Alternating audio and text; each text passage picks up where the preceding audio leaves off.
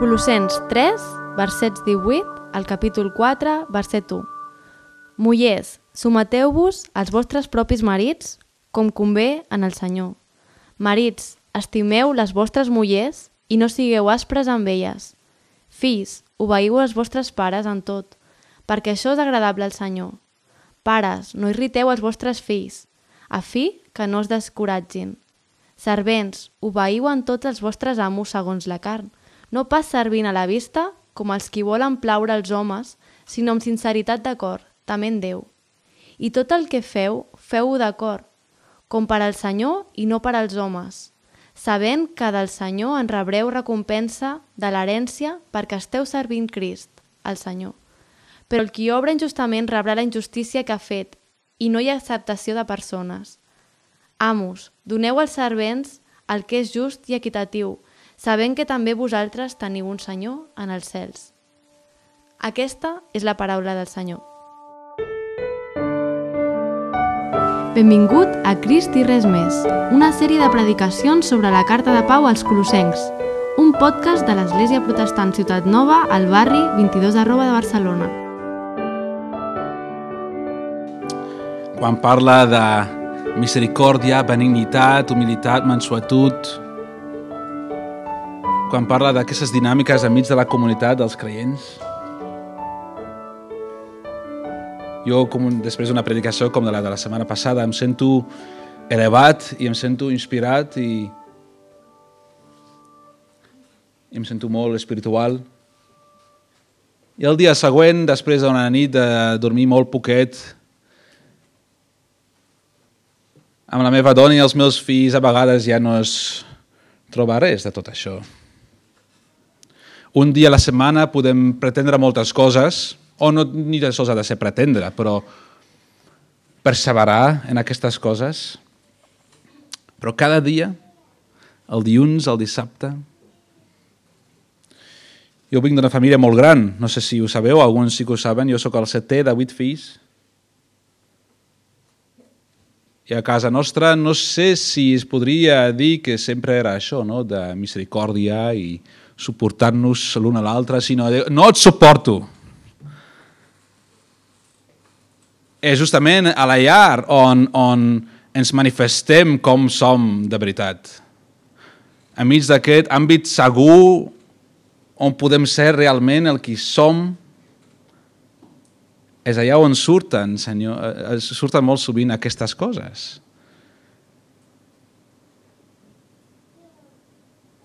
I potser tu estaves preguntant això al llarg de les últimes setmanes. Mira, que maco, no?, aquesta carta i com parla de Crist i, però com m'afectarà el dilluns al dissabte, tot això?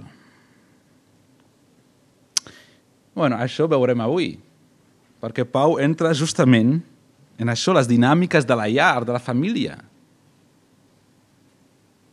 Ell parlava abans, i això hem vist, com l'antiga vida és una vida d'egocentrisme, on tots som idòlatres, lluant el nostre propi ego, on busquem el nostre bé individual. Ell ha mostrat com això de fet és la causa de tots els pecats. I també ha mostrat com en Crist participem i hem, hem sigut enterrats amb ell i ressuscitats amb ell, i rebut nova vida, la seva vida ara és en nosaltres. I llavors, en, a partir del capítol 3, hem vist com ell ha, ha entrat en la part més pràctica de l'epístola, dient que hem de mortificar, hem de matar, treure amb arrel els pecats, lluitar contra el pecat, amb la capacitat que hem rebut, amb la nova vida en Crist. I després de vestir-nos amb aquesta nova humanitat, aquesta nova humanitat ja no és una, una vida d'egocentrisme, sinó la nova humanitat és relacional, la nova humanitat és una, és una humanitat en comunitat.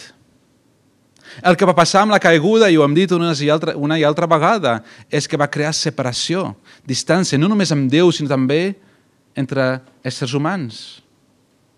Què va passar amb Adán i Eva just després de pecar? Es van començar a assenyalar l'un a l'altre, culpabilitzant. I què fas quan fas això? Crees com mínim la distància d'un braç. i la separació va entrar al món. I si jo us pregunto com va generalment les lluites a casa, de matrimoni, per exemple, i potser revelo aquí només la meva casa, però quan de veritat tens aquest tipus de baralla, no? Teniu... Però tu tampoc no ets tan perfecte. I tu també et deixes això sempre. I, i no rebem el que l'altra persona està dient, sinó comencem a culpabilitzar i creem encara més distància. El que la nova creació en Crist vol dir és que totes aquestes distàncies i separacions que vagin desapareixent en Crist, aquesta unió amb Crist, aquesta íntima associació amb Crist, aquest, aquest vincle que no es pot trencar, que també es manifesti de forma horitzontal, no només en la comunitat dels creients aquí, perquè aquí no es pot fer, si no es pot fer a casa. I llavors Pau exhorta a unitat a la casa, en la casa, en la família. Hem vist com Crist és cap de la creació, cap de l'església, i ara aquí Pau diu que Crist també és cap de la casa, de la llar, de la família. Hem vist les parts diferents d'una epístola antiga, no? com Pau escrivia, amb una salutació una expressió de, de, de gràcia, després agraïment, una pregària representant la seva preocupació, després una part doctrinal, després una part més pràctica, i potser avui penseu quin passatge més estrany que acabem de llegir, no? Però no és tan estrany. Potser és molt contracultural llegir això, el que acabem de llegir, però en el temps de Pau, el fet en si de parlar sobre la llar i la família d'aquesta manera no era tan raro. Aristòtel, el gran filòsof, filòsof també ja va escriure aquests tipus d'exhortacions 300 anys abans de Pau.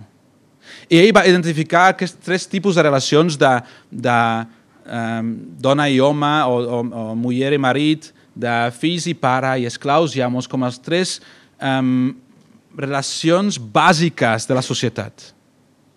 I la família, perquè també l'amo i el servent formaven part de la, de la casa, de la família, era la unitat bàsica de la societat. Però no us equivoqueu, en el temps de Pau, el que Pau acaba d'escriure també era bastant revolucionari. Perquè què passa és, sí, també eh, aquí llegim sobre persones en autoritat i persones en posicions subordinades. En el temps de Pau, l'amo, el pare i el marit eren els que tenien autoritat, però més que autoritat, eren els propietaris tant de la dona com dels fills com dels esclaus. I llavors, en aquestes, aquests tipus d'exhortacions només s'adreçava al marit, al pare i a l'amo. I els exhortava a un caràcter moral molt elevat. Perquè al final el que havia d'exhortar els fills, la dona, els esclaus, era el senyor, l'amo, era el pare, era el marit. I aquí és totalment diferent. No només Pau adreça també les persones que no eren reconegudes com a persones íntegres individuals, sinó també els adreça primer i els adreça en una altra relació fora de la relació amb el seu marit, el seu pare o el seu amo, sinó els, els exhorta en relació amb el seu Senyor Crist.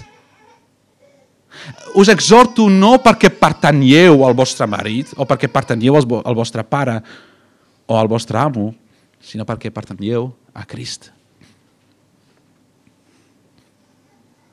Això era tot més revolucionari. I els amos, i els pares i marits diu vosaltres pertanyeu a Crist. En el gran esquema de les coses, sou esclaus. Esclaus d'un senyor celestial. Perdoneu.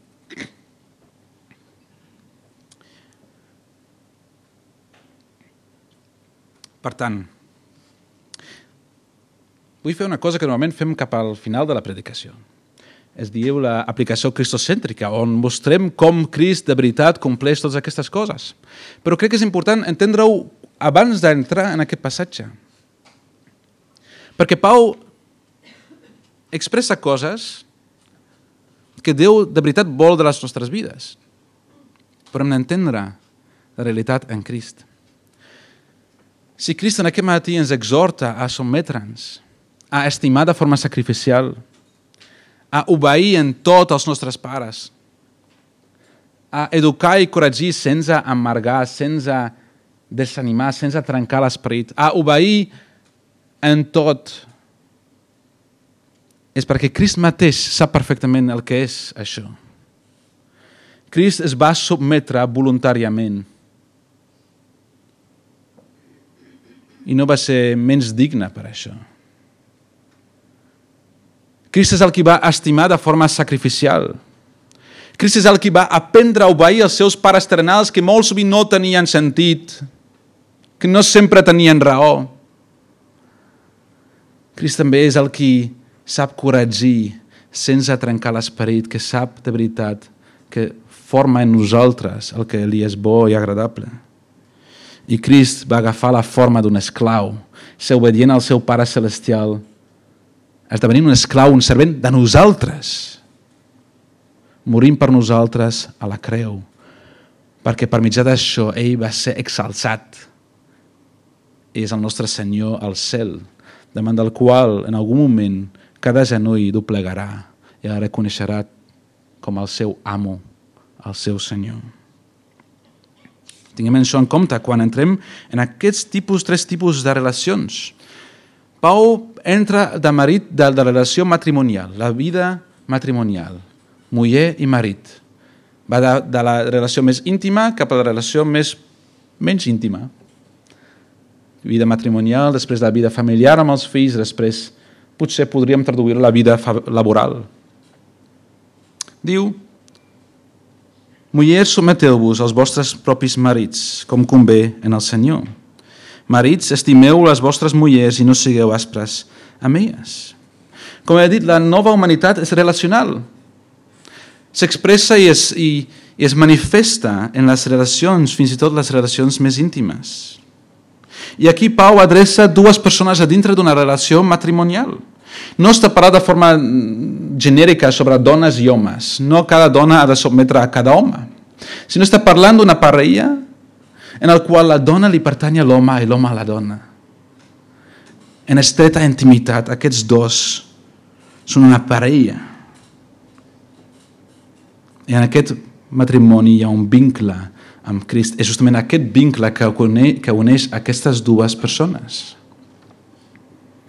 I justament allà, quan la nova creació s'haurà de començar a manifestar en algun lloc, és en els nostres matrimonis. Crist està fent una renovació allà. I aquesta dinàmica és de subjecció de part de la muller. Pau no està parlant aquí d'obediència com amb els fills i els esclaus.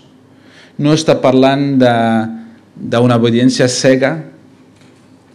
Està parlant d'una submissió voluntària podries baixar. No a causa del desig de l'home, no és una idea masclista, no és perquè l'home li exigeix la seva submissió, sinó com convé el Senyor. És una cosa entre la dona i el seu Senyor, d'acabar a sotmetre's al seu marit. És el Senyor, Crist, que li demana això de la muller. Aquesta submissió tampoc és il·limitada. No pot anar contra la seva consciència o contra la paraula de Crist, sinó servir a Crist, mentre que reconeix l'autoritat de Crist en el seu home. Persones no són cridades a ser a esdevenir a ser propietat de l'altre o de no ser responsables per les seves pròpies accions som persones íntegres i pertanyem a Crist. I aquestes paraules no són un atac a la dignitat humana.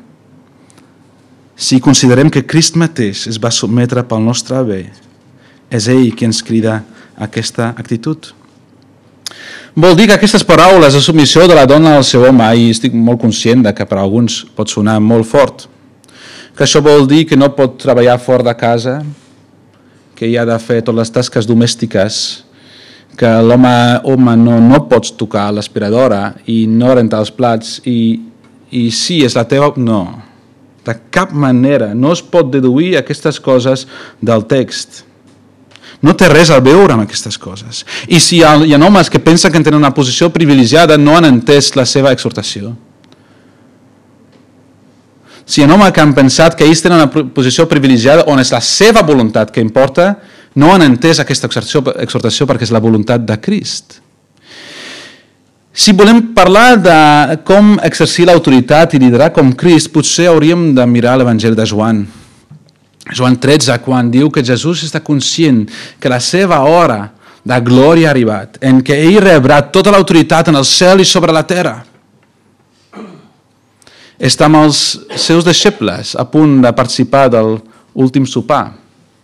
I el sent segurament xerrar entre ells o barallar com qui serà el més important en el regne de Déu o qui serà, qui seurà a la seva esquerra qui a la seva dreta. Perquè així som, no? Així d'importants ens sentim. I què fa Crist? El qui té, el qui rebrà en pocs moments després tota l'autoritat, agafa una tovallola, es senyeix, agafa un cubell d'aigua i comença a rentar els peus d'aquests deixebles estúpids. Aquesta és la manera d'estimar com Crist estima. I és aquesta la manera en què Pau crida els homes a estimar les seves dones. Pau, en la carta a Efesis, que és una carta que segurament va escriure després, desenvolupa aquesta idea més i, i parla d'aquesta manera.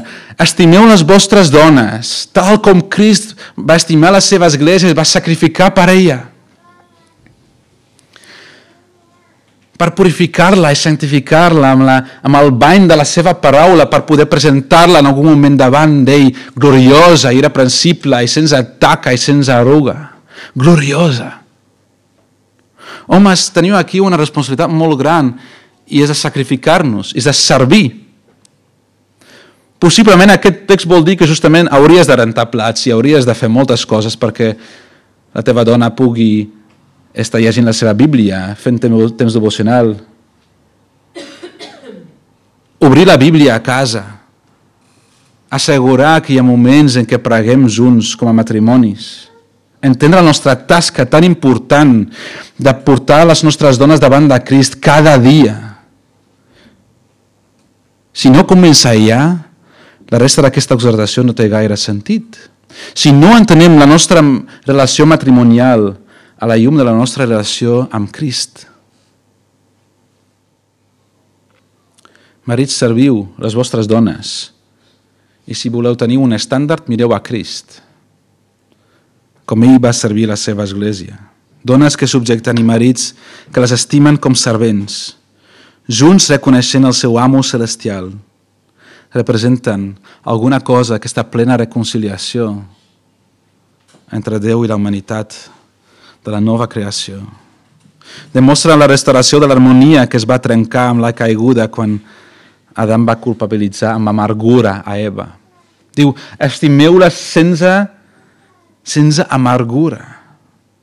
Que és aquest sentiment que tenim quan pensem però tu, tu tampoc no ets tan perfecte. I ens sentim superiors a l'altre. Siguem els reconciliadors a casa. Siguem els primers per humiliar-nos, els primers per penedir-nos, els primers per demanar perdó. No es tracta de la nostra voluntat. Es tracta de que el caràcter de Crist es formi en nosaltres, que la dona reconegui, reconeixi a Crist en el seu marit i Crist i el marit a Crist en la seva dona. Després de parlar de la relació matrimonial, Pau entra en la família. La família amb fills era la unitat més bàsica, com hem dit, i potser parlar de família i unitat el dia d'avui potser sembla una contradicció hi ha poques coses que representen menys unitat que la família d'avui en dia.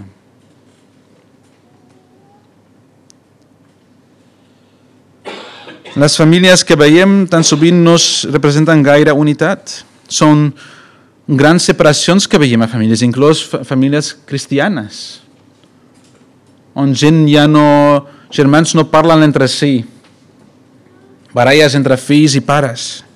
Però com podem, com a església, impactada per aquest evangeli i aquesta unió amb Crist, representar, mostrar aquesta obra de reconciliació en les nostres famílies?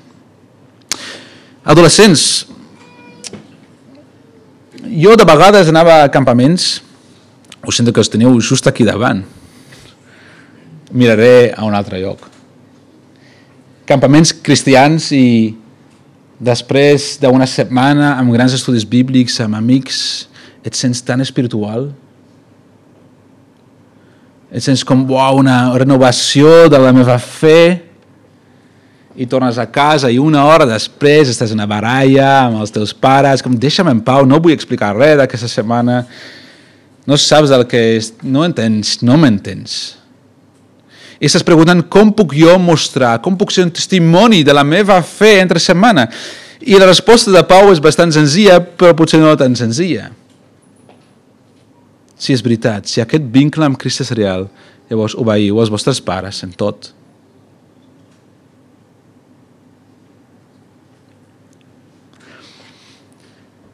Pau, el que Pau fa aquí també és, és bastant revolucionari. Els fills no comptaven en el temps de Pau. I llavors, com hem dit abans, eren propietat del pare. El pare podia fer el que volia amb els fills. I Pau aquí els adreça de forma individual. Els dona responsabilitat als fills.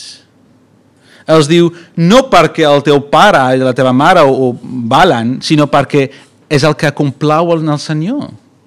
Els fills dels creients són plenament involucrats en la congregació del Senyor. Quan Pau prega en el primer capítol perquè puguem viure vides dignes del Senyor, vides que complauen el Senyor en tot, també està parlant dels nostres fills. I com és aquesta vida? És una vida en obediència. I sí costa, com costa a tots nosaltres, perquè per nosaltres mateixos som rebels, no volem reconèixer cap autoritat. Per, per mitjà de reconèixer els fills que estan sota la responsabilitat dels pares, que Pau està adreçant aquí, no està parlant cada relació de fill i pare, sinó els fills que viuen sota la responsabilitat dels pares, que viuen a casa. S'han d'obeir els pares en tot. També aquí, no sense anar en contra de la consciència. Si els vostres pares ho diuen de mentir, de robar o de blasfemar, no ho feu.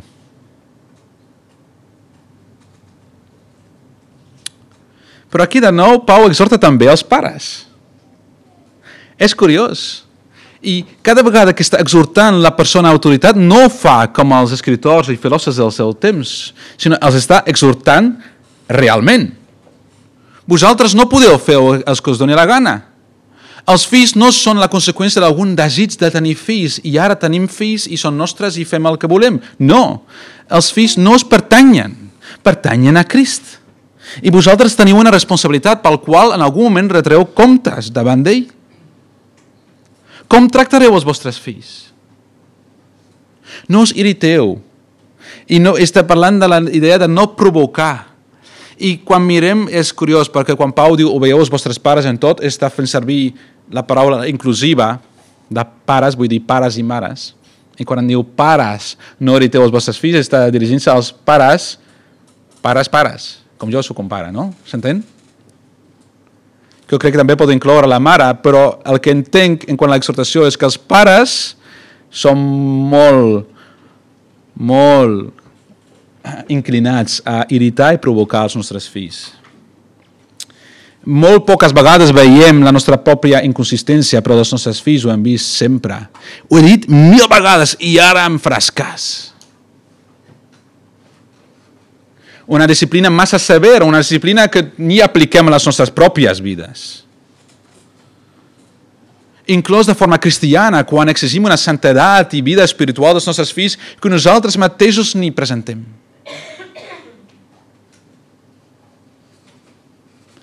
Al estudiar aquest text jo em sento totalment inadequat i em sento culpable davant de Déu com a marit i com a pare. Com de sovint som tan inconsistents, inconsistents, però també la manera de trencar de vegades l'esperit dels nostres fills. I això és una cosa que sí que vull remarcar. Durant l'estiu, quan estem a les terrasses i tenim els amics al voltant i estem allà, els nens estan jugant i en algun moment arriba el punt que comencen a demanar atenció, però nosaltres tenim millor coses que fer, no? Estem, tenim una bona conversa i deixa'ns en pau. I els nens, d'alguna manera o altra, continuen demanant atenció. Fins a un punt que és prou, i dius, sempre no pots deixar un moment en pau i els llancem un cubell d'ira sobre el cap i veus alguna cosa en els ulls d'aquest nen i penses, pobret.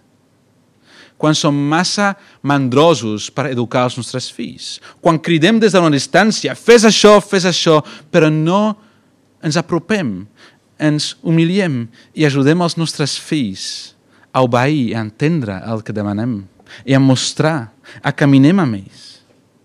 O quan fem d'aquesta manera, quan jo tenia la teva edat, oh, hi ha poques coses que em molesten més que quan sento algun pare dir això als seus fills.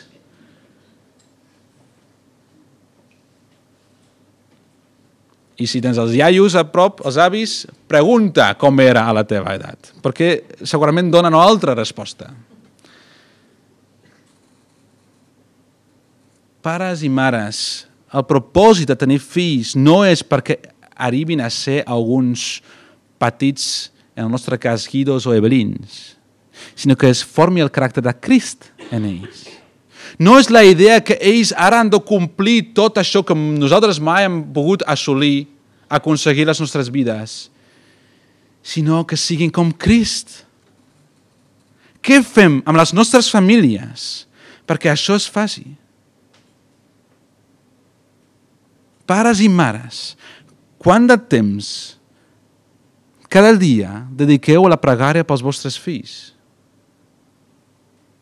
Quant de temps dediquem a instruir-los en la paraula de Crist? Hem parlat en la predicació de la setmana passada sobre la importància de que la paraula de Crist habiti ricament entre nosaltres. I com a casa, llavors? Habita la paraula de Crist ricament a les nostres llars? Perquè molt sovint nosaltres, com a pares i mares, tenim moltes coses a dir, però s'escolta la veu de Crist a casa?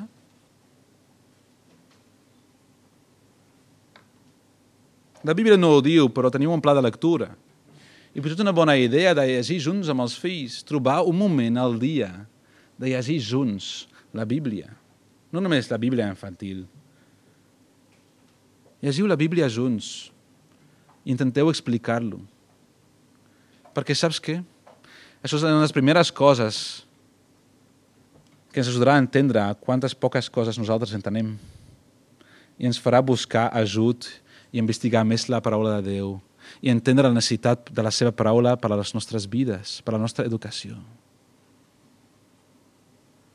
Pares i mares, siguem com Crist pels nostres fills. Lent pel càstig. No mantenint la ira per sempre. Com parla la Bíblia sobre Déu com a pare? És justament així. El Salm 103 és el pare que no és, és el pare que abraça els seus fills, que no manté la seva ira per sempre, sinó busca la reconciliació. Crist mateix té un jou suau i una càrrega lleugera, que nosaltres no donem, donem un, un, jou, un jou, un jou, un jou. Dur. I una càrrega pesada als nostres fills.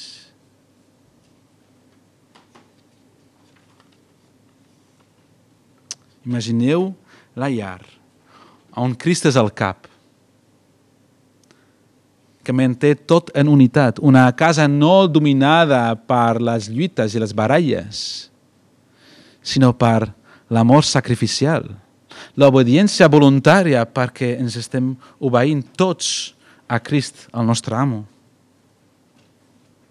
Això és de veritat un senyal de la nova creació que ens comença a manifestar les nostres vides. Un, uh, unes paraules breus sobre l'últim punt. No es pot sempre tractar tot, no? Perquè m'està acabant el temps, però m'agradaria dedicar algunes paraules a l'últim punt. Pau no està parlant de servents, ja, mos està parlant d'esclaus. I això també és un, una situació problemàtica. Estem tots contents de que ja no hi ha esclaus. O sí que hi ha. Però en el món occidental, com mínim, ens, hem, ens pretenem de que no, no tenim esclaus. Però no és el moment d'entrar en el tema de roba i menjar justa, no?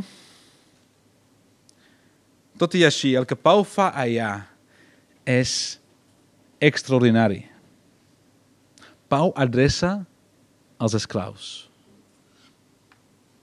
Els esclaus que ara no tenien ni nom propi. L'esclau portava el nom del seu amo. Era representat pel seu amo. L'esclau no tenia drets, o molt pocs. I aquí mostra una, la, la, el canvi radical a causa de la unió amb Crist. Hi ha un breu epístola dirigida a dos membres de la congregació de Colosses. Es diu la carta a Filemó. Filemó era membre d'aquesta comunitat i el seu esclau Onèsim també. Es veu al final d'aquesta carta. Si voleu saber com de radicalment Pau canvia la naturalesa d'aquesta relació, mireu a, llegiu aquesta carta aquesta tarda. Com Pau diu, a causa de la relació amb Crist, tracteu-lo, tracteu-li com un germà, no com un esclau. Però Pau no crida una revolució social a la emancipació dels esclaus en aquest moment. I no és el tema si s'havia de fer en algun moment. Home, clar que sí. Però el que Pau fa és una cosa molt més dràstica les relacions entre dona i marit, fills i pares, esclaus i amos, en efecte, han canviat. I no per l'endorocament d'aquestes estructures socials, sinó pel reconeixement, reconeixement de Crist en l'altre. En Crist aquestes distincions es relativitzen, fins al punt que, tot i que és bo fer-se lliure per un esclau, l'esclau ja és lliure en els ulls de Déu. La relació principal entre els creients, siguin marit i dona, o amo i esclau, o fills i pares, ara és un de germans en Crist. Germans en Crist. Junts servir a Crist, servint-se els uns als altres com a germans i germanes. Treballant arduament els uns pels altres com treballant pel mateix Crist. I no és exactament el mateix, però tots hem tingut moments, o potser ara mateix, que tens un cap a la feina que de veritat és el pitjor del que podries imaginar. I els dies que has d'anar a treballar et fa una mandra anar-hi perquè penses estarà tot el dia queixant-se, demanant-me masses coses, etc etc etc. Com canviaria la teva feina si ho comences a fer no pel teu cap, sinó per Crist? D'humiliar-nos, inclús en aquestes relacions i situacions on sí que nosaltres tenim dret i on sí que, sí que tenim raó, però mirar-ho com un acte de lluança al nostre amo celestial. Veure-ho com una manera en què Crist està treballant al nostre caràcter, canviant-nos. Treballar per Jesús cada dia cada cosa que fem, si ens, demanem, si ens demanen de fer les coses més insignificants, de fer cada cosa com un acte de lluança al nostre amo celestial.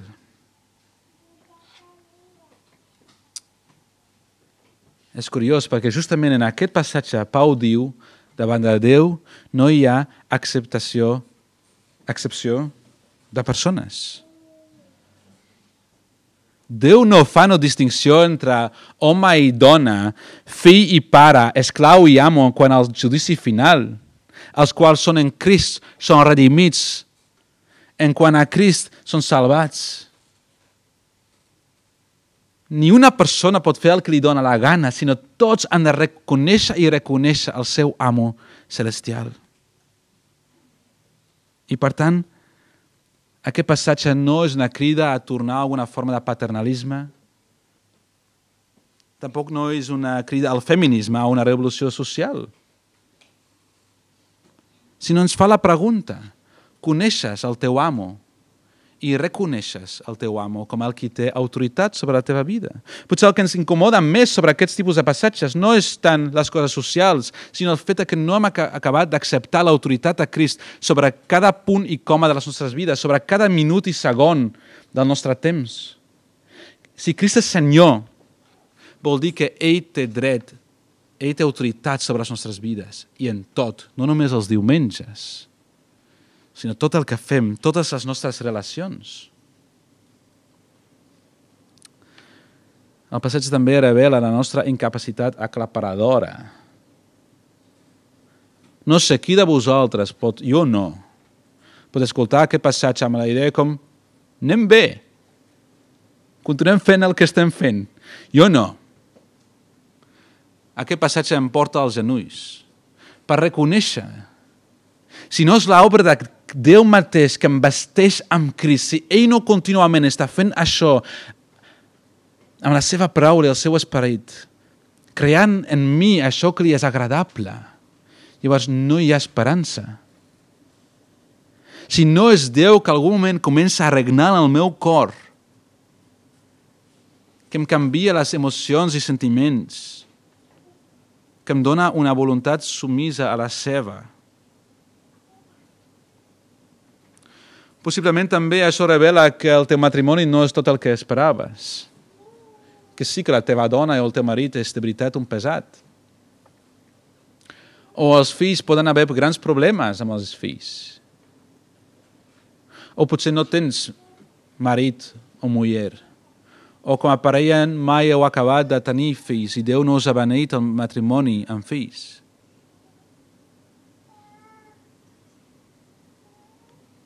Ens podem sentir afligits i cansats. Però recordem les paraules de l'apòstol Pau mateix, que sap identificar amb això, i molt més Crist mateix també. Pau va escriure en 2 Corintis, per això no ens acobardim. Encara que exteriorment ens anem consumint, interiorment ens renovem cada dia més. Els sofriments que ara passem són lleugers i d'un moment, però van acumulant un pes incomparablement immens de glòria, que durarà per sempre. Nosaltres no fixem la mirada en això que veiem, però els, perquè les coses que veiem són temporals, però les que no veiem duren per sempre. Cada una d'aquestes relacions del qual hem estat parlant aquí desapareixeran. Al cel no hi ha matrimonis, no hi ha relació de pare i fill, sinó la unió plena de Crist amb el seu poble. Per tant, cultivem aquestes relacions quan cultivem la relació matrimonial, la relació amb els nostres fills, la relació amb els nostres empleats o el nostre cap, a la feina. Posem tot a dintre d'aquest marc de l'Església, de la unió amb Crist. Perseverem, no defallim. Fixem la mirada en Crist, diumenge a diumenge, dilluns a divendres. En la família, el matrimoni la feina reconeixem a Crist com el nostre amo, el nostre Senyor.